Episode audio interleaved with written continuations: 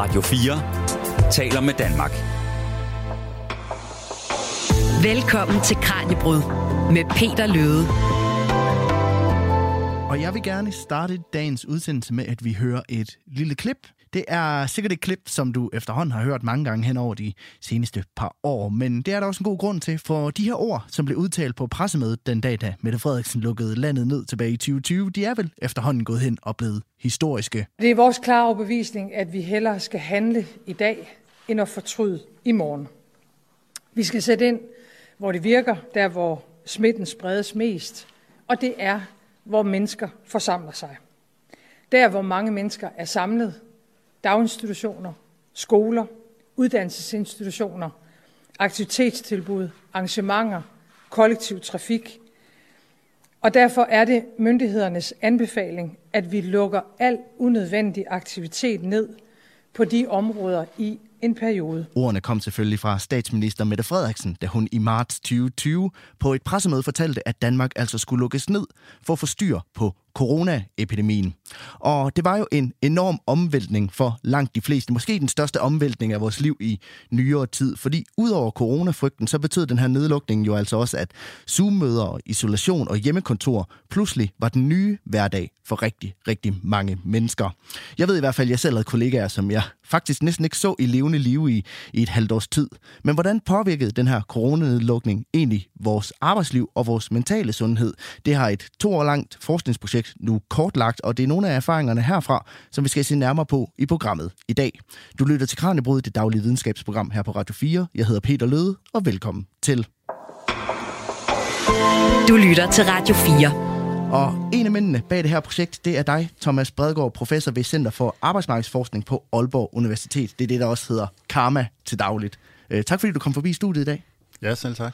Du har jo øh, faktisk gæstet Kranjebrud før, nemlig tilbage i 2020, hvor I i gang satte det her forskningsprojekt. Og lad os lige starte med at prøve at høre, hvordan du omtalte det her projekt dengang. Vi er i gang med at lave en undersøgelse omkring, øh, hvordan øh, coronaperioden har påvirket og forandret vores arbejdsliv, og hvilke konsekvenser det har haft for den mentale sundhed. Så man kan sige, det er jo et projekt, øh, der er i gang, imens øh, det sker øh, ude i den virkelige verden. Så, så vi, vi følger løbende øh, udviklingen og, og prøver at dokumentere, øh, hvad der sker i arbejdslivet. Ja, som man kan høre, så var du dengang med på en coronasikker forbindelse. Den dag i dag, der er du altså øh, til stede i levende liv her i studiet. Og det kan være, at vi skal starte med til udgangspunkt i det her gamle klip, fordi der fortæller du lidt om, at det er sådan en løbende proces, som I kastede ud i, og projektet endte jo med at blive en anelse større, end I først havde sat jer for. Kan du ikke prøve at forklare, sådan, øh, hvad der lå bag det? Jo, altså den oprindelige plan var, at vi skulle lave den første undersøgelse omkring øh, nedlukningen der i foråret 2020, og så skulle vi lave en øh, anden undersøgelse omkring øh, genåbningen, øh, som vi jo ikke på det tidspunkt, da vi sign, designede projektet, vidste, hvornår ville komme. Men altså, som der var sådan en forventning om, det ville nok komme øh, sådan nogle måneder, eller måske hen efter sommerferien. Og det gjorde den jo også. Øh, og så skulle vi lave en tredje undersøgelse omkring øh, eftervirkningerne i forhold til arbejdslivet af øh, coronapandemien. Øh, og der var vi jo nok i virkeligheden lige så naive som øh, alle mulige andre. Fordi at øh, da vi skulle i gang med den tredje undersøgelse omkring de her eftervirkninger, der stod vi midt under den anden store nedlukning. Øh, så øh, vi øh, besluttede os for at lave en, øh, en undersøgelse omkring den anden nedlukning. Og så den, øh, den sidste øh, og fjerde undersøgelse, den kom så i efteråret 2021, hvor vi kiggede på den anden genåbning. Så man kan sige, at projektet endte med at tage lidt længere tid og gribe lidt mere om sig, end det oprindeligt var planen. Det vil at du skal prøve at forklare lidt om, hvordan det her projekt overhovedet kom i stand, fordi at man kan sige, at coronanedlukningen kom, og så var I jo lidt nødt til at smide det, I havde i hænderne. Er det ikke rigtigt? Jo, lige nøjagtigt. Man kan sige, at øh, coronapandemien og de konsekvenser, det fik for arbejdslivet, var så øh, unikt et øh, moment i øh, Danmarks øh, arbejdslivshistorie, og egentlig arbejdslivshistorien øh, internationalt også, det blev vi simpelthen nødt til at studere øh, som arbejdsmarkedsforsker. Altså, hvad sker der, når man øh, lukker landet ned, når man lukker arbejdspladserne ned, og, og rigtig mange kommer til at arbejde øh, hjemmefra, eller skal fortsætte med at arbejde ude på arbejdspladser, hvor der er risiko for, at de kan få øh, covid-19. Eller, hvilket der også var tilfælde for mange, man bliver hjemsendt fra sit arbejde, altså at arbejdspladsen simpelthen bliver, øh, bliver lukket øh, og man kommer hjem på lønkompensation. Så, så det, det var jo rigtig interessant for os at studere, hvordan, hvordan reagerer forskellige grupper af lønmodtagere i forhold til de her helt nye vilkår i arbejdslivet. Og hvordan gjorde I så konkret det? Ja, vi gjorde det, at øh, vi gik øh, i gang øh, med at lave interviews med øh, udvalgte øh, faggrupper. Øh, og øh, allerede efter meget kort tid øh, skulle vi i forhold til Vældlivforeningen, som har finansieret den her forskning, øh, kunne levere en øh, plan på, at øh, vi øh, havde fundet øh, cirka 100 øh, interviewpersoner. Øh, så vi fik jo rigtig travlt, øh, mine kollegaer og jeg, øh, i forhold til at få øh, fundet de her øh, personer. Vi udvalgte dem ligesom i øh, tre øh, arbejdslivssituationer, altså dem, der øh, skulle fortsætte med at arbejde ude, øh, dem, der skulle arbejde hjemme, og, og dem, der blev hjemsendte. Og inden for hver af de øh, situationer, der, der fandt vi nogle øh, udvalgte faggrupper. Så vi øh, har undersøgt øh, sygeplejersker og butiksansatte, som jo skulle fortsætte med at arbejde ude. Vi har undersøgt øh, folkeskolelærer og udøver liberale erhverv, det vil sige øh, advokater, revisorer, ejendomsmalere, øh, som i høj grad arbejdede hjemmefra, og så hotel- og restaurationsansatte, som blev hjemsendte. Hvorfor er det lige de faggrupper, jeg valgte at tage til udgangspunkt i? Jamen, det kunne egentlig også have været andre faggrupper, men øh, det, det var nok nogle faggrupper, som på en eller anden måde alle sammen har en form for relationsarbejde. Altså, hvor øh, det med relationer til andre mennesker har stor betydning for, for arbejdets udførsel. Øh, så, så, og, og de relationer, øh, de sociale relationer, øh, kunne man jo ikke udøve på, på samme måde, så, så vi vidste, at for de her grupper øh, ville der være nogle forandringer i deres arbejdsliv, som var interessante at studere. Hvad er det så præcist, I har spurgt dem ind til i, i de her mange interviews, som I jo har lavet? Altså, vi var optaget af, hvordan har man organiseret arbejdet, øh, når arbejdet ikke kan udføres på, på samme måde som hidtil. Øh, vi har været interesseret i, hvordan øh, ændrede øh, arbejdsindholdet øh, karakter og så har vi været interesseret i, hvordan skiftede de sociale relationer på, på arbejdspladsen øh, karakter. Altså i forhold til relationer til kollegaer, i forhold til ledere, og i forhold til øh, personer uden for organisationen. Om det så er kunder, eller det er patienter, eller det er elever. Og så har vi været optaget af, hvordan påvirker det trivselen øh, for de her grupper. Kan I så se, at der er nogle af de her grupper, der har været mere påvirket end, end andre? Ja, det er det helt sikkert. Altså, øh, det, er jo, det er jo svært at sige præcist, øh, og det, det er også selvfølgelig meget individuelt. Men altså hotel- og restaurationsansatte, øh, man kan sige, øh, en del af de personer, vi interviewede i den her gruppe, nogle af dem har faktisk været hjemsendt fra arbejde helt op til tre gange. Altså, og når man bliver hjemsendt, så ved man jo faktisk ikke engang, om man kommer tilbage til sin arbejdsplads, om den sådan set overlever øh, den her nedlukning. Så, så de har haft nogle kolossale omvæltninger i deres øh, arbejdsliv. Hvordan beskriver de det i, i, i nogle af de her interviews? Så? Jamen, for nogen øh, var det øh, hårdt og frustrerende og, og utrygt. Øh, for andre var det faktisk en, øh, en pause i deres arbejdsliv, øh, hvor man fik tid til at reflektere over, øh, Øh, var man på den rette hylde, skulle man måske prøve noget andet i, øh, i tilværelsen. Og for nogen var det faktisk også øh, meget behageligt med sådan en, øh, i hvert fald den første nedlukning, som nogen betragtede som sådan lidt en forlænget ferie, hvor man kunne restituere. Ja, der var nogen, der brugte udtrykket coronaferie omkring det på en eller anden måde. Nu, nu fik man lige en, en break, faktisk en dag med løn. Ja, det, det var der måske nogen, der oplevede under den første nedlukning, men jeg vil så sige, under den anden og, og den tredje, øh, så, så tror jeg ikke rigtigt, man, man oplevede det som en, øh, en hyggelig ferie længere. Og det var så dem, der var, der var hjemsendt. Men altså, hvad med nogle af dem, der rent faktisk stadigvæk skulle på arbejde, både med ind, men også kunne arbejde hjemmefra? Altså, kunne de stadigvæk opretholde en eller anden form for normal, eller, eller hvad fortalte de om deres oplevelse under, under coronanedlukningen? Ja, altså hvis vi tager øh, sygeplejerskerne, så, så, så er de jo stået ude i, øh, i den spidse ende, kan man sige, under øh, coronapandemien. Øh, mange af dem blev jo øh, overflyttet til øh, covid-19-beredskab. Øh, Og øh, til at starte med øh, var der jo ikke øh, nogle ret øh, præcise øh, retningslinjer i forhold til, øh, hvordan man skulle øh, gebærde sig i de her øh, beredskaber. Det, var jo en, det er jo en helt ny sygdom, der var øh, kommet til landet. Og øh, retningslinjerne, de, øh, de kom så at sige øh, væltende ned øh, og, og skulle implementeres øh, meget, meget hurtigt og, og meget, meget detaljeret. Øh, så, så det tror jeg, mange sygeplejersker oplevede som øh, kaotisk og, og også øh, frustrerende. Men på den anden side, så, øh, så er det jo sådan set også det, deres arbejde øh, går ud på. Øh, så mange af dem oplevede faktisk også, at de fik øh, anerkendelse, øh, og, og det skabte en, øh, en trivsel. Det, at man virkelig kunne, øh, kunne gå ud og, og, og gøre en forskel som sygeplejerske. Og det, ja, det så man jo i hvert fald også i det offentlige, at der var faktisk mange, der også fremhed sygeplejersker som, som helte, hverdagens helte på en eller anden måde, der gik ind og rent faktisk gjorde en enorm forskel under det her. Hvad så med dem, der var, der var hjemsendt? Altså, udover at de skulle arbejde hjemme, hvad var så den største forandring for dem i, i deres arbejdsliv? Jamen det var jo sådan set det, at hjemmet lige pludselig blev arbejdspladsen. Altså der, der er ikke ret mange hjem, øh, der før corona var, var indrettet til at, at være en arbejdsplads, og, og der er også mange øh, hjemmearbejdspladser, hvor der er et, øh, et dårligt øh, fysisk arbejdsmiljø, øh, hvor man har siddet øh, i månedsvis og, og passet sit arbejde øh, fra en, øh, et soveværelse eller fra, en, øh, fra et spisebord.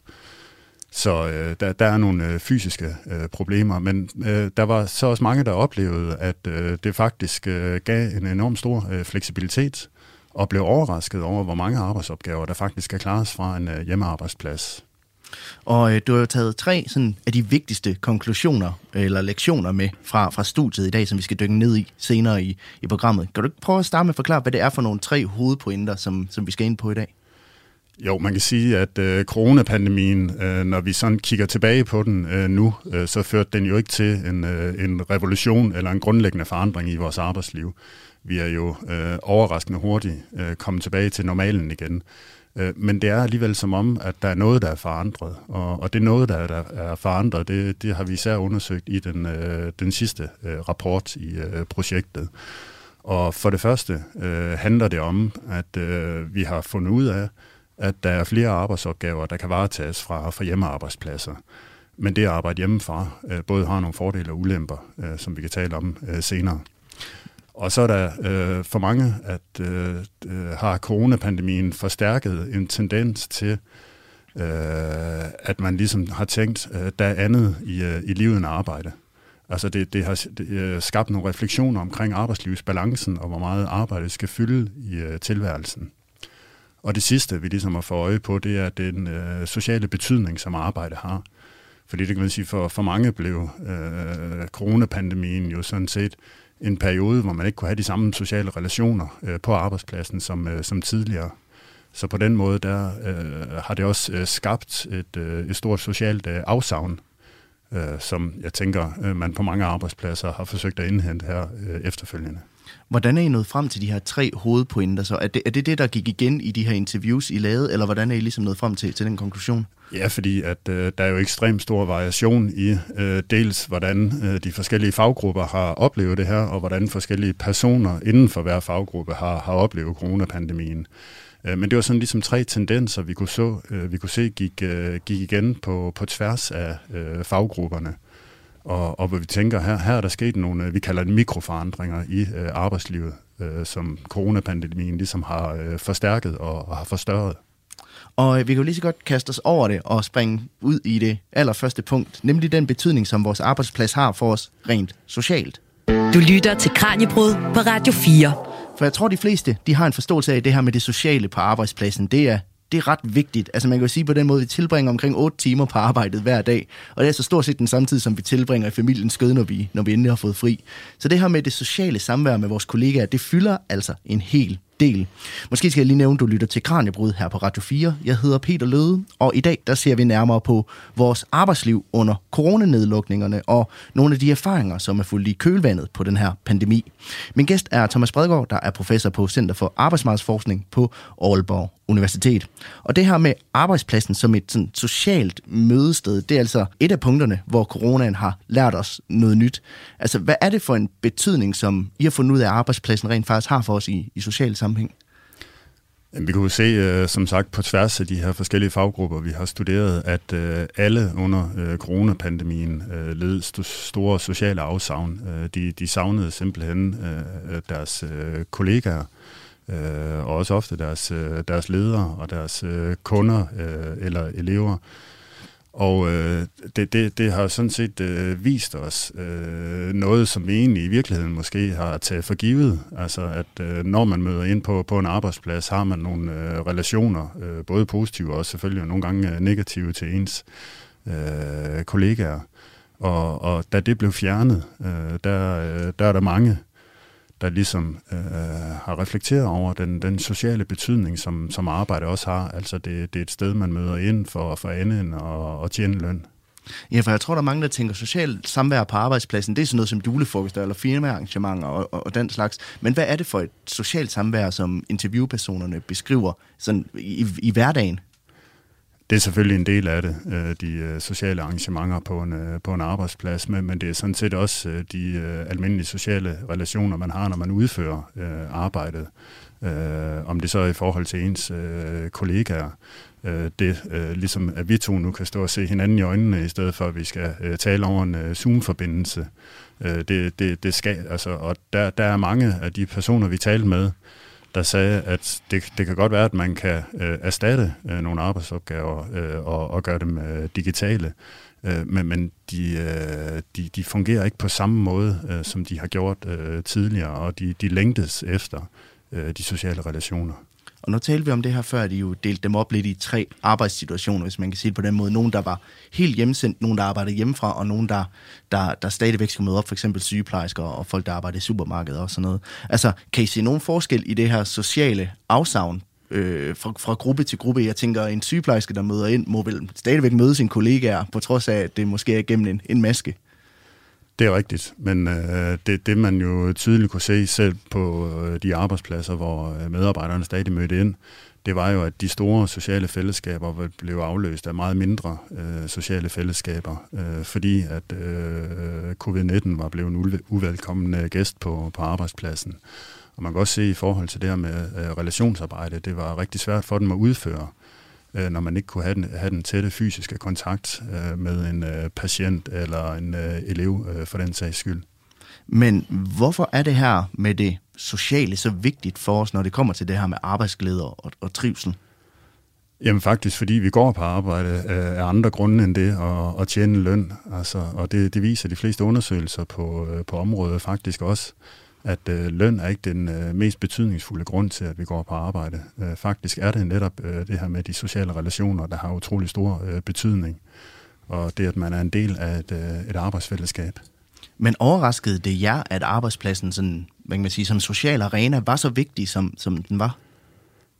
Ja, det synes jeg faktisk, fordi at øh, det, det, jeg synes især i forhold til det her med, at øh, den, den forandring, der skete ved, at man ikke længere kunne, øh, kunne mødes med ens øh, kollegaer eller øh, personer uden for organisationen, øh, det, det, det medførte stort øh, socialt afsavn. Det, det kunne vi sådan set se på tværs af, af alle de her grupper, vi øh, studerede. Så hvis man skal tage en, hvad kan man sige, en lektion med herfra? Altså, hvad kan man gøre som virksomhedsejer for at styrke det sociale på arbejdspladsen, når nu det er så vigtigt i, i forhold til, til trivsel?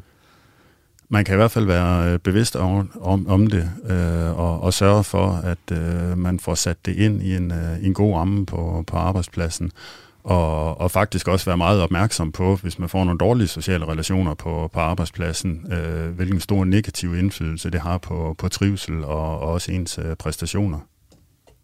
Radio 4 taler med Danmark.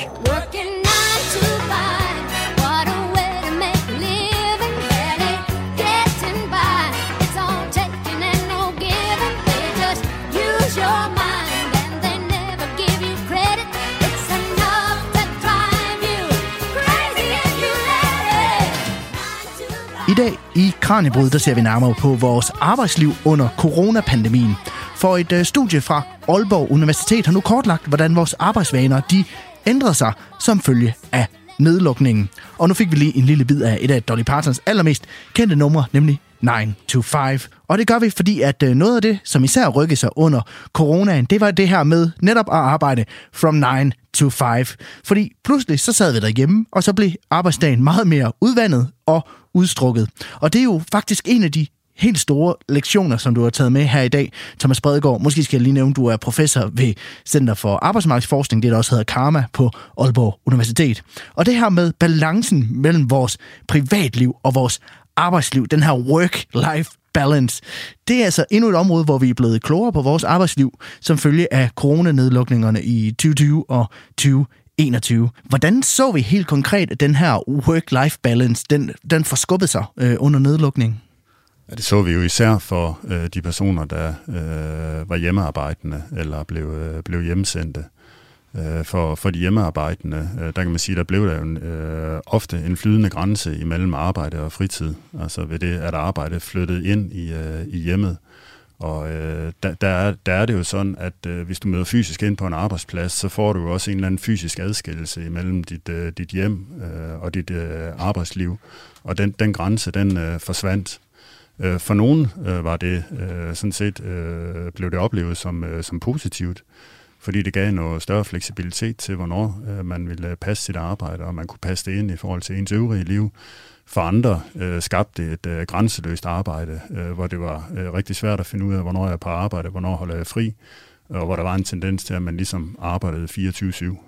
Ja, for mit næste spørgsmål var nemlig, altså hvad betyder det helt konkret? Betyder det, at vi i sidste ende måske kommer til at arbejde mere, fordi vi rent faktisk har svært ved at begrænse, nu er jeg på arbejde, nu, nu har jeg fri? Det tror jeg faktisk, det, det har vi ikke undersøgt øh, præcist, men altså der er tidligere undersøgelser fra før corona, der viser, at øh, personer, der har meget hjemmearbejde, faktisk også arbejder flere timer. Øh, og der faktisk også er øh, både en højere øh, arbejdsintensitet, øh, og, og en større risiko for, for stress, øh, hvis man har øh, meget udbredt øh, hjemmearbejde. Og nu er jeg jo kigget på fem forskellige faggrupper. Man kan sige, sygeplejerskerne og, og, og supermarkedspersonale, de er jo på arbejde. Men den her gruppe, der, der arbejder hjemme, altså kan I se nogen variation for, mellem faggrupperne, for om det her problem er, er større for nogen end, end andre? Nu som sagt, de to faggrupper, vi har undersøgt, øh, var skolelærer, altså de her udøvere af øh, liberale erhverv. Øh, for øh, skolelærer øh, Øh, var det at skulle sidde og lave online-undervisning øh, jo en helt ny øh, opgave for dem, øh, og øh, jeg tror også en, øh, en meget udfordrende øh, opgave øh, for de fleste. Igen er der skolelærer, der har både positive og, og, og, og mindre positive øh, erfaringer øh, med online-undervisning. For, for udøverne af øh, liberale øh, erhverv øh, var det at arbejde hjemmefra ikke noget helt nyt, øh, da de kom til at arbejde mere hjemmefra under øh, corona. Men det var jo i, i en vis udstrækning et, øh, et mere frivilligt øh, valg. Øh, de, de havde også mulighed for at møde ind på, på arbejdspladserne. Øh, så for dem øh, havde det ikke sådan den helt store påvirkning af deres øh, arbejdslivsbalance. Men de er måske i virkeligheden dem, der var øh, mest tilfreds øh, med, øh, med hjemmearbejde. Fordi de var meget optaget af at, at arbejde effektivt og produktivt. Og det havde de en oplevelse af, at man kunne gøre, når man arbejder hjemmefra. Ja, for hvordan beskrev de her interviewpersoner den her omvæltning, som det har været for rigtig mange år, og lige pludselig skulle arbejde hjemmefra? Jamen, nogen beskrev det øh, som, øh, som kaotisk og, og frustrerende. Øh, andre øh, som en, øh, en befrielse faktisk, at man øh, kunne være hjemme og, og tilrettelægge arbejdet. Vi blev faktisk lidt overrasket over, at der var mange skolelærer, der faktisk øh, beskrev det som, øh, som lidt en befrielse at, at, at komme hjem og lave online-undervisning. Fordi med hele den diskussion, der var omkring øh, lærernes øh, arbejdstid og, og reguleringen af det, øh, så oplevede de, at de øh, fik nogle, øh, nogle nye øh, frihedsgrader på, på deres hjemmearbejdspladser. Og de i samarbejde med deres øh, kollegaer i nogle øh, mindre teams øh, selv øh, havde større indflydelse på, hvordan de skulle øh, tilrettelægge arbejdet. Og nu talte vi også om før, at man på nogle områder i hvert fald stort set mistede kontakten til sine kollegaer, i hvert fald den fysiske kontakt. Altså, øh, og man som lærer heller ikke så sine elever øh, hver dag. Altså, tror du, det har fået nogen til også at genoverveje, hvad kan man sige, om man overhovedet gider det arbejde, man har? Ja, det, det, det har det helt sikkert. Øh, og øh, der kan man sige, dem, dem der havde rigtig meget hjemmearbejde, øh, nogle skolelærer, øh, det, øh, det, det er jo igen, det er relationsarbejde, det er det at være tæt øh, på, øh, på eleven. Øh, der er nogle skolelærer, som øh, ikke har været tilfreds med øh, at skulle lave den online undervisning. På den anden side er der også skolelærer, der beskriver, hvordan man kunne lave en mere individuel øh, undervisning, og, og man kunne øh, få nogle øh, også måske lidt sværere samtaler øh, med enkelte elever, øh, medmindre der selvfølgelig var fuldstændig sort skærm øh, på den anden side. Ja, for man taler om det fænomen, i, hvert fald i USA, der hedder The Great Resignation, altså den store opsigelse, som kommer i kølvandet på, på coronapandemien. Altså tror du, at det til dels kan føres tilbage til noget af det med, at vores work-life balance også er blevet forskubbet, at, fordi vi begyndte at tænke over, hvorvidt at vi, vi rent faktisk vil det, vi vil, og så har man, øh, så man tænker, nu prøver jeg noget andet efter, efter corona. Ja, der er ingen tvivl om, øh, som sagt, at øh, arbejdslivsbalancen, øh, i og med at det blev forskubbet øh, for, for mange, øh, også er noget, øh, mange har øh, reflekteret over. Øh, er man på den rette hylde? Hvor meget skal arbejde? Øh, fylde i mit liv? Øh, og hvad skal jeg øh, fremover? Øh, det vi har set i USA, eller som der i hvert fald sådan i debatten har været øh, en del snak om, den her Great Resignation, eller The Big Quit, øh, som der også er nogen, der kalder det, Øh, det har vi jo ikke øh, på samme måde oplevet i, øh, i Danmark. Øh, tværtimod har der været en øh, markant stigende beskæftigelse øh, under coronapandemien. Øh, men øh, det er klart, der, der, der, der er nogle diskussioner omkring arbejdslivets øh, betydning i forhold til øh, det øvrige liv, som ligesom er blevet forstærket af øh, coronapandemien. Hvad er, det, hvad er det et udtryk for, at vi ikke på samme måde har set den tendens i, i Danmark? Jeg tror, det har noget at gøre med det danske arbejdsmarked og, og de jobs, øh, vi har i Danmark, som simpelthen øh, har en, øh, en bedre kvalitet end i øh, USA. Øh, så og jeg tror simpelthen, at altså, der, der er bedre løn og arbejdsvilkår, og jeg tror måske også, man har nogle, øh, nogle bedre sociale relationer til ens øh, kollegaer i, øh, i Danmark. Så hvis vi skal opsummere, hvad er så den vigtigste lektion, som coronaen lærte os med hensyn til det her med fritidsliv kontra arbejdsliv? Jeg tror, at den, øh, det med at finde den rette balance mellem det individuelle og det, øh, det kollektive, øh, tror jeg faktisk er øh, en af de lektioner, vi kan tage ud, at øh, man skal passe på med, at øh, man ikke fuldstændig individualiserer det, øh, når man sender personer hjem og, og arbejder øh, hjemmefra, så de selv skal finde ud af med arbejdsmiljø, øh, hvornår de arbejder, øh, hvor meget de arbejder, så, så det, at man får en øh, kollektiv diskussion på arbejdspladsen og får lavet nogle, nogle retningslinjer og nogle rammer for, for hjemmearbejde, tror jeg er helt afgørende.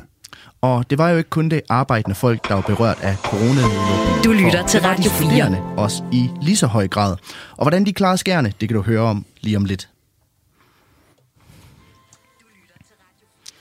For inden vi fortsætter vores snak om erfaringerne fra coronanedlukningen, så lad os lige runde de mange tusind, der går på uddannelse til hverdag. For det var svært at være ung studerende under coronanedlukningerne, det viser en undersøgelse fra Danmarks Evalueringsinstitut EVA, der for et par år siden sendte spørgeskemaer ud til mellem 8 og 9.000 førsteårsstuderende på forskellige danske uddannelser. Og områdeschef Bjarke Tapgaard Hartkoff, han øh, var projektleder på undersøgelsen, og han fortæller, at de nye studerende på uddannelsesinstitutionerne var særlig interessante at se nærmere på, fordi de er et specielt sted i livet. De studerende de adskiller sig jo lidt fra andre dele af befolkningen ved, at øh, de er øh, de studerer jo på en videregående uddannelse, og de, dem, vi har snakket med her, de er jo så i starten af den uddannelse, og de fleste af dem lever jo løsrevet fra sådan et tæt familiefællesskab, som, som mange af os andre indgår i til daglig. Øh, så derfor så er de måske også lidt mere udsatte for, øh, for nogle af de ting, der følger med de, de nedlukninger, som vi har haft af samfundet. I kiggede i særdeleshed på vinteren 2020-2021. Hvor var det nu, vi var henne i forhold til nedlukninger der?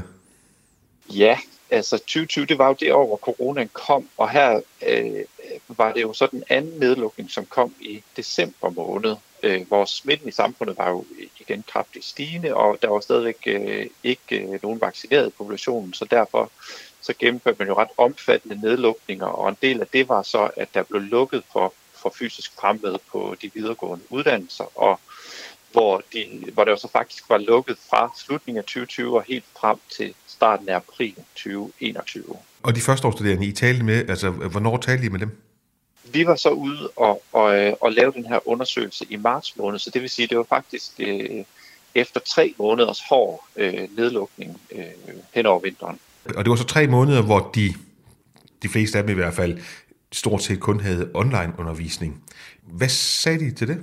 Ja, fordi det er jo så den, det er jo den store forandring, som de har oplevet, at, at det skiftede var fra, at man har mødt op øh, og kunne have i høj grad kunne have øh, kan man sige, undervisning med fysisk fremråd med i løbet af efteråret, jamen, så har man været afskåret fra det og haft sådan en ren online undervisning på de fleste uddannelser i, i de her tre måneder. Og øh, der er mange, der for det første siger, at de egentlig har fået god online undervisning. Der har været nogle tydelige rammer osv. Så, øh, så på den måde bærer det måske præg, at man også på uddannelserne har fået mere erfaring med, med at, at lave den her slags undervisning. Men alligevel så er der rigtig mange studerende, der oplever, at det er svært at motivere sig til at studere det, både i forhold til forberedelsen og også i forhold til at deltage i undervisningen. Øh, og så er der også mange, der oplever, at altså langt størstedelen, 70 procent, oplever, at de har fået et mindre læringsudbytte øh, af den her online undervisning. Øh, vi kan så også se nogle lidt sammensatte resultater, fordi hvis vi kigger, kigger på deres faglige engagement, jamen, så er det faktisk nogenlunde på niveau med, med sådan som det plejer at være.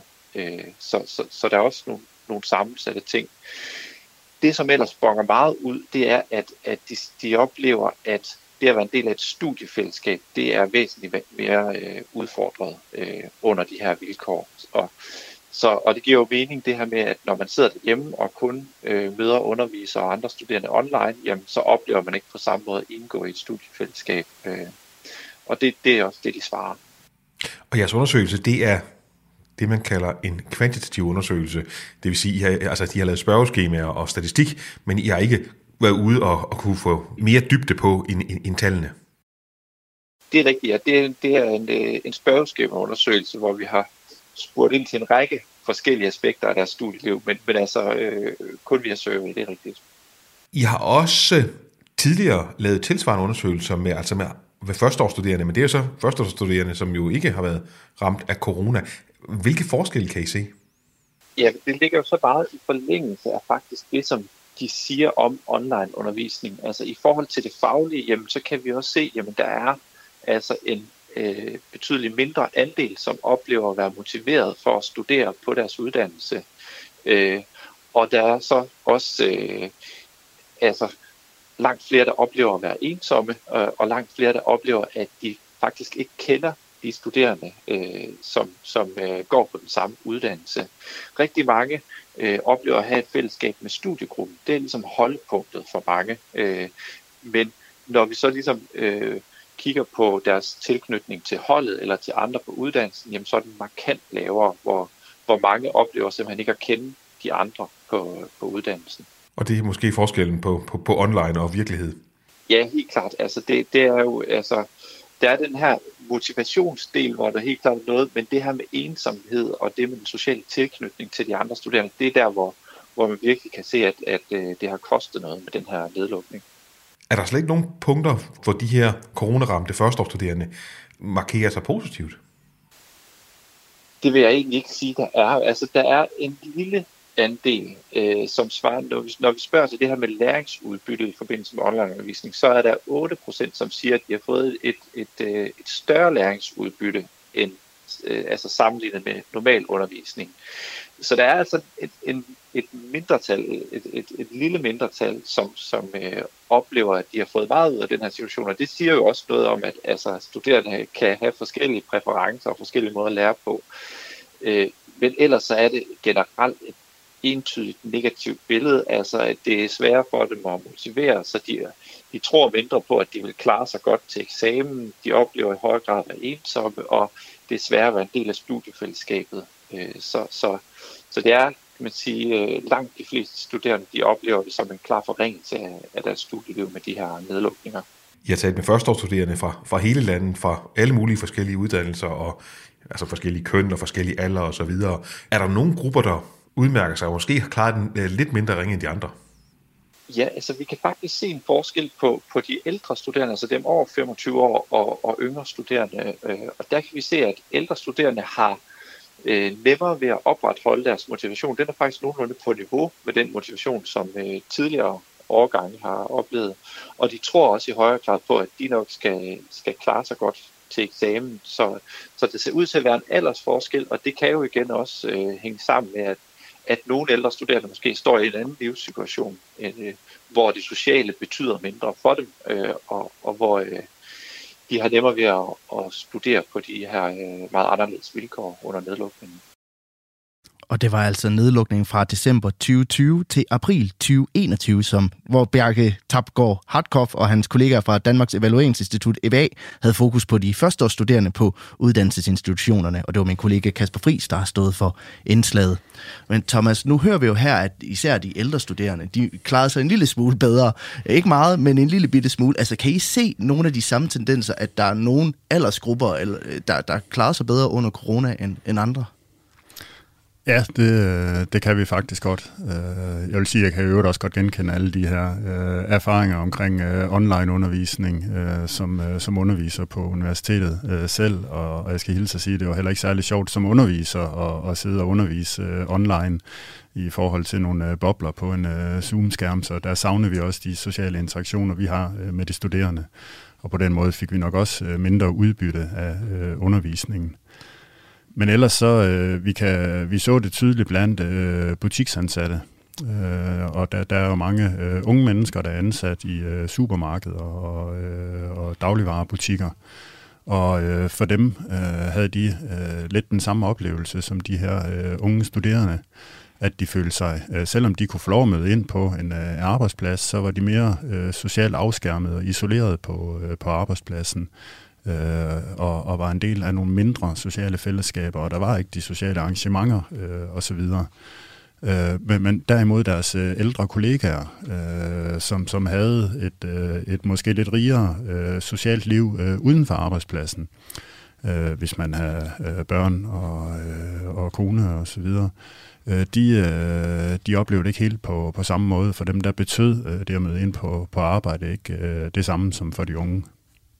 Du lytter til Kranjebrud på Radio 4. I Kranjebrud i dag, der ser vi nærmere på vores arbejdsliv i en verden post-corona. For der er vist ingen tvivl om, at coronanedlukningen den vendte hele vores verden på hovedet, især når det kom til arbejde. Pludselig så skulle vi vende os til, at vi ikke så vores kollegaer hver dag, og det her med arbejde og fritid måske flød en lille smule sammen.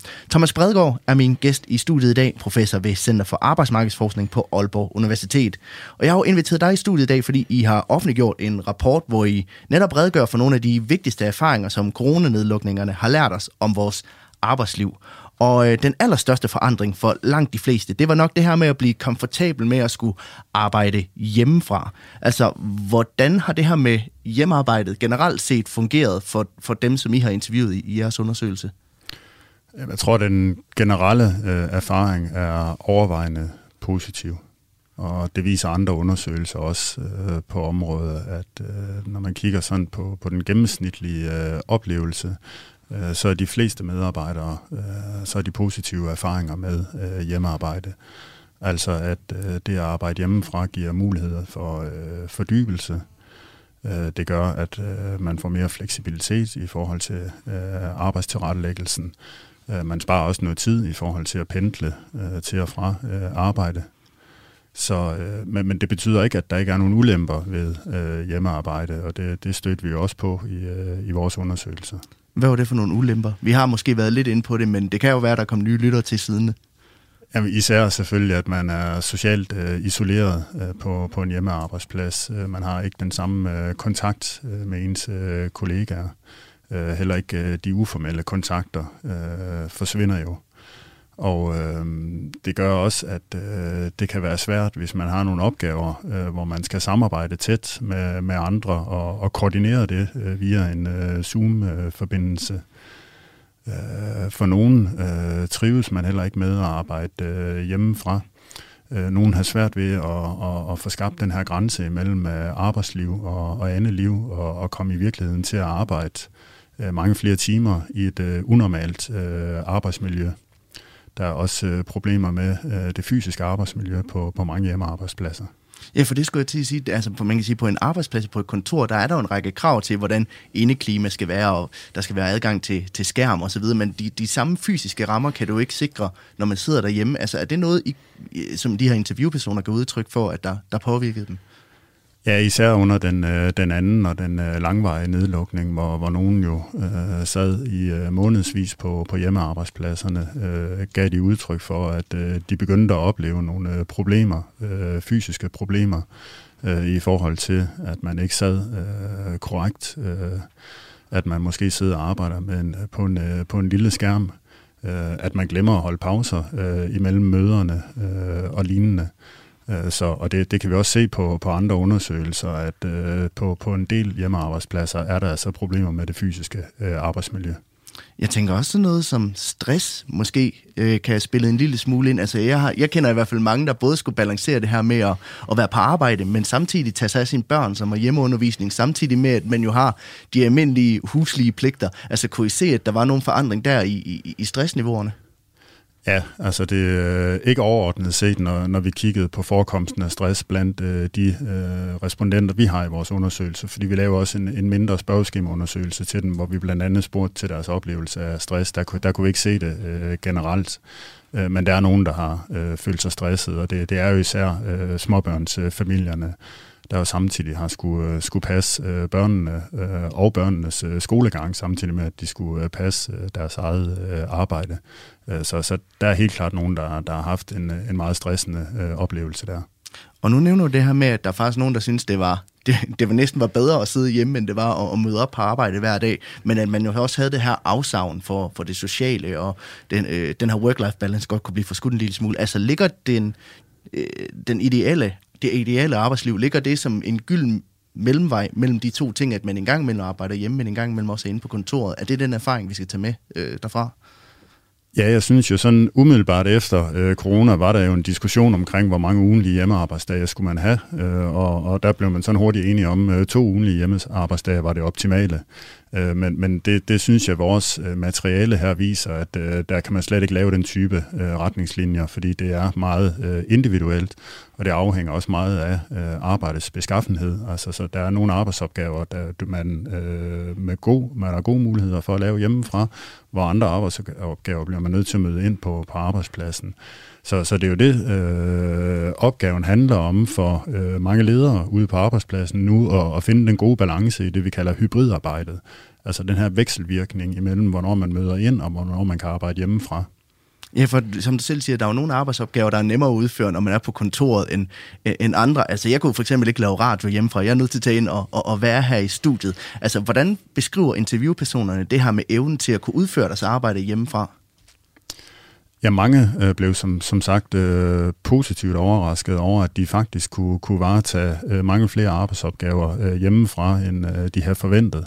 Og, og det er der også mange af de øh, få ledere, vi har talt med, øh, er faktisk også øh, overvejende øh, positive øh, i forhold til øh, medarbejdernes øh, produktivitet fra, fra hjemmearbejdspladsen. Og øh, det viser andre undersøgelser på, på området faktisk også, at øh, der har måske nok været en skepsis i forhold til hjemmearbejde øh, tidligere, øh, men den, den forduftede i høj grad under øh, coronapandemien med de erfaringer, man gjorde sig. Og tiden den flyver afsted, så lad os prøve at haste videre til det sidste, vi har på dagsordenen i dag. Vi skal nemlig se nærmere på, hvordan vores arbejdsliv så ser ud nu, hvor alle restriktioner er forsvundet, og corona nok mest af alt også er forsvundet ud af vores fælles bevidsthed. Radio 4 taler med Danmark. Vi er gået ind i de små sidste 10 minutter af udsendelsen. Og her til sidst, Thomas, der tænker jeg, at vi skal prøve at samle trådene lidt fra, fra programmet og på noget af det, vi har, har lært i løbet af det, og se på, hvordan vores arbejdsliv så ser ud den dag, i dag i 2023 i en post-corona-verden. Altså, hvad er sådan de væsentligste forandringer, som corona har givet vores arbejdsliv? Jeg synes som nævnt, der, der er sådan tre øh, forandringer, vi kan pege på i øh, det materiale, vi har i, øh, i undersøgelsen. Øh, det er dels det her med, at øh, den, den sociale betydning af arbejdet, øh, at der er andet i øh, livet end arbejde, altså det vi har snakket om med arbejdslivsbalancen, og så det med hjemmearbejdets øh, betydning, at der er flere jobs og, og opgaver, der kan laves fra, fra hjemmearbejdspladser. Øh, det, det er tre af de øh, læringer eller refleksioner, som øh, coronapandemien ligesom har forstærket hos de personer, vi har talt med. Men hvis vi kigger på arbejdslivet i, lad os sige, 2019 inden corona, og nu i 2023, hvor der heller ikke er nogen restriktioner, kan man se nogle væsentlige forskelle i arbejdslivet, eller er, er der rent faktisk ikke tale om noget, der hedder præ- og post-corona, det er bare det samme? Jeg vil sige, vi, vi, øh, vi betegner det som øh, mikroforandringer, øh, altså, øh, og, og det kan godt være, at de her mikroforandringer bliver større forandringer på, øh, på øh, længere sigt, øh, men, men her øh, umiddelbart efter øh, corona, øh, i den udstrækning vi er efter øh, corona, øh, der kan man sige, at øh, pandemien ligesom har forstærket nogle tendenser øh, i arbejdslivet. Øh, men, men det er jo ikke sådan, at vi har et helt nyt øh, arbejdsliv. Øh, det, man må jo sige, at vi, vi kom jo faktisk overraskende hurtigt øh, tilbage til normalen fra, fra før coronapandemien. Og nu nævnte jeg i hvert fald måske sket no- nogle forandringer. Altså, hvad, hvad er det for nogle forandringer? Jamen, jeg synes især øh, hjemmearbejdet og de refleksioner, øh, vi har haft omkring øh, hjemmearbejde, øh, kan, kan vise sig på sigt at få øh, meget stor øh, betydning man kan sige, at vi, vi øh, har fået en læring omkring, at øh, meget arbejde kan varetages fra, fra hjemmearbejdspladser, øh, og på den måde øh, få, øh, få ændret øh, rammerne omkring øh, det traditionelle øh, arbejdsliv. Og vi kan også se her på, øh, på bagkanten af corona, at man på mange arbejdspladser er begyndt at diskutere arbejdstid.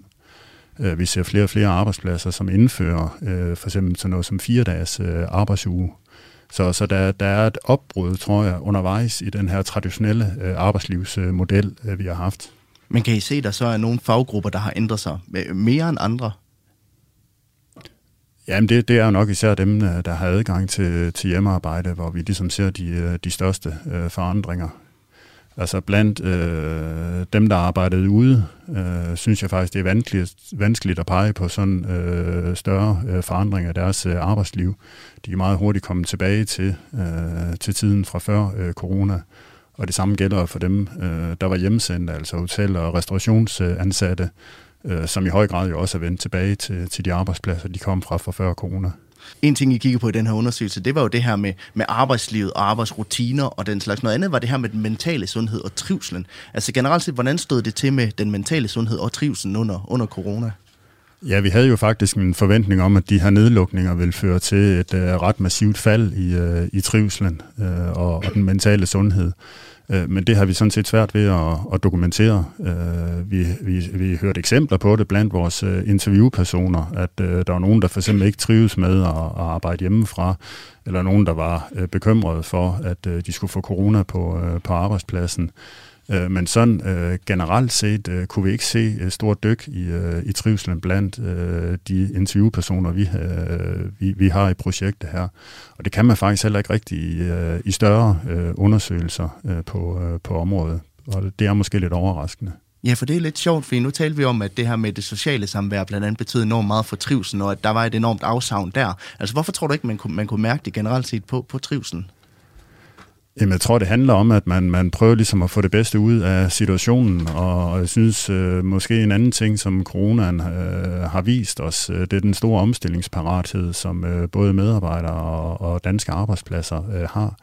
Øh, man, man har jo på øh, rekordtid øh, omlagt øh, arbejdet, øh, uden at det førte til øh, nogle massive øh, produktivitetsfald øh, eller øh, store forandringer i trivselen for, for medarbejdere. Øh, så, så den der omstillingsevne er måske i virkeligheden også en af de øh, læringer, vi kan tage ud af coronapandemien. Og øh, hvordan tænker du, at vi så kan bruge nogle af de her erfaringer fra coronapandemien til at, at skabe et bedre arbejdsliv fremadrettet? Jamen, jeg tror, det er vigtigt at, for det første at, at sige, at der er ikke én øh, sandhed omkring øh, corona. Der er mange forskellige sandheder. Øh, der er mange forskellige øh, oplevelser. Og, og derfor øh, synes jeg, det er vigtigt, at man får en øh, dialog og nogle refleksioner øh, ude på arbejdspladserne i forhold til, øh, hvad kan vi trække ud af, øh, af læring fra coronapandemien i forhold til at forbedre vores arbejdsliv. Og det kan være i forhold til det, øh, som jeg nævnte med det sociales betydning, i forhold til arbejdslivsbalance og i forhold til, øh, hvilken rolle hjemmearbejde skal, skal fylde øh, fremadrettet. Og her til sidst, øh, programmet begynder så småt at, at løbe ud. Men jeg kunne godt tænke mig at høre, altså, hvad synes du er den væsentligste pointe, som lytterne skal tage med fra programmet her i dag? Jamen det er egentlig, at på trods af de øh, kolossale forandringer, øh, der var i øh, arbejdslivet under coronapandemien, hvor overraskende hurtigt øh, vi er kommet tilbage i øh, sporet igen fra før øh, corona. Øh, det er i hvert fald noget af det, jeg stadigvæk øh, forundres øh, over, at, øh, at det kunne ske. Og, øh, og også, at øh, man i, efter min mening for ringe grad har haft en, øh, en samtale ude på arbejdspladserne omkring, hvordan vi kan bruge erfaringerne fra coronapandemien til, til at forbedre vores arbejdsliv med. Så, så jeg synes, man skal prøve at tage en snak øh, på sin arbejdsplads øh, med ens øh, kollegaer, med ens chefer omkring, hvordan kan vi egentlig bruge de her erfaringer på en konstruktiv måde. Thomas Bredegaard, professor ved Center for Arbejdsmarkedsforskning ved Aalborg Universitet. Tusind tak, fordi du havde lyst til at kigge forbi studiet i dag. Det var øh, rigtig interessant og, og rigtig hyggeligt, at du, at du endelig kunne komme i studiet og fortælle om, om resultaterne af den her undersøgelse. Ja, velbekomme. Det var også en fornøjelse at møde dig i den virkelige verden. du lytter til Radio 4. Det bliver alt, hvad vi når i dag i Kranjebrud. Tusind tak, fordi at du lyttede med. Husk, at vi sender alle hverdage her på Radio 4. Det er altid fra 12.10 til kl. 13. Og hvis du vil høre mere fra os, så kan du finde hele vores bagkatalog som podcast på Radio 4's hjemmeside, eller i Radio 4's app, der kan hentes på Google Play og på App Store. Og der er altså godt 1000 afsnit at give sig i kast med. Der kan man blandt andet også høre øh, programmet fra den første gang, da Thomas Bredegaard gæstede studiet til en snak om den her undersøgelse tilbage i 2020.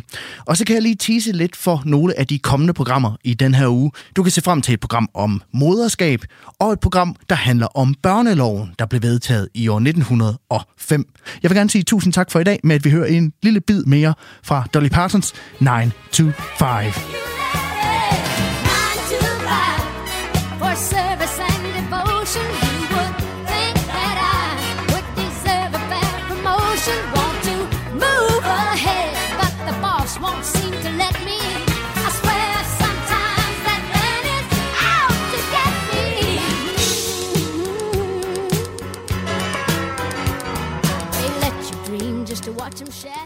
Nu er det blevet tid til nyheder. Jeg hedder Peter Løde, og programmet er produceret af Videnslyd for Radio 4.